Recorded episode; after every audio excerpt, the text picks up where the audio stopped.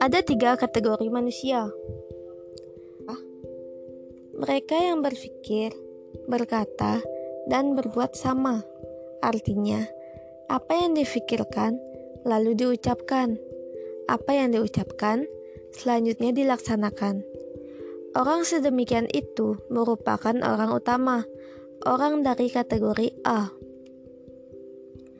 Kategori kedua terdiri dari orang-orang yang berbeda pikiran dan ucapannya, tetapi apa pun yang diucapkan itu kemudian dilaksanakan.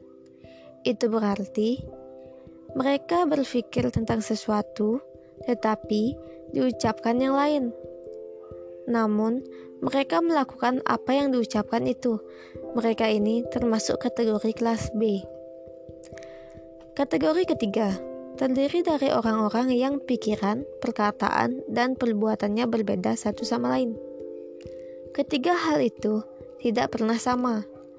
Orang-orang sedemikian itu berpikir tentang sesuatu, berkata tentang sesuatu yang lain, dan melakukan tindakan yang sama sekali berbeda pula. Orang-orang sedemikian itu termasuk kategori kelas C.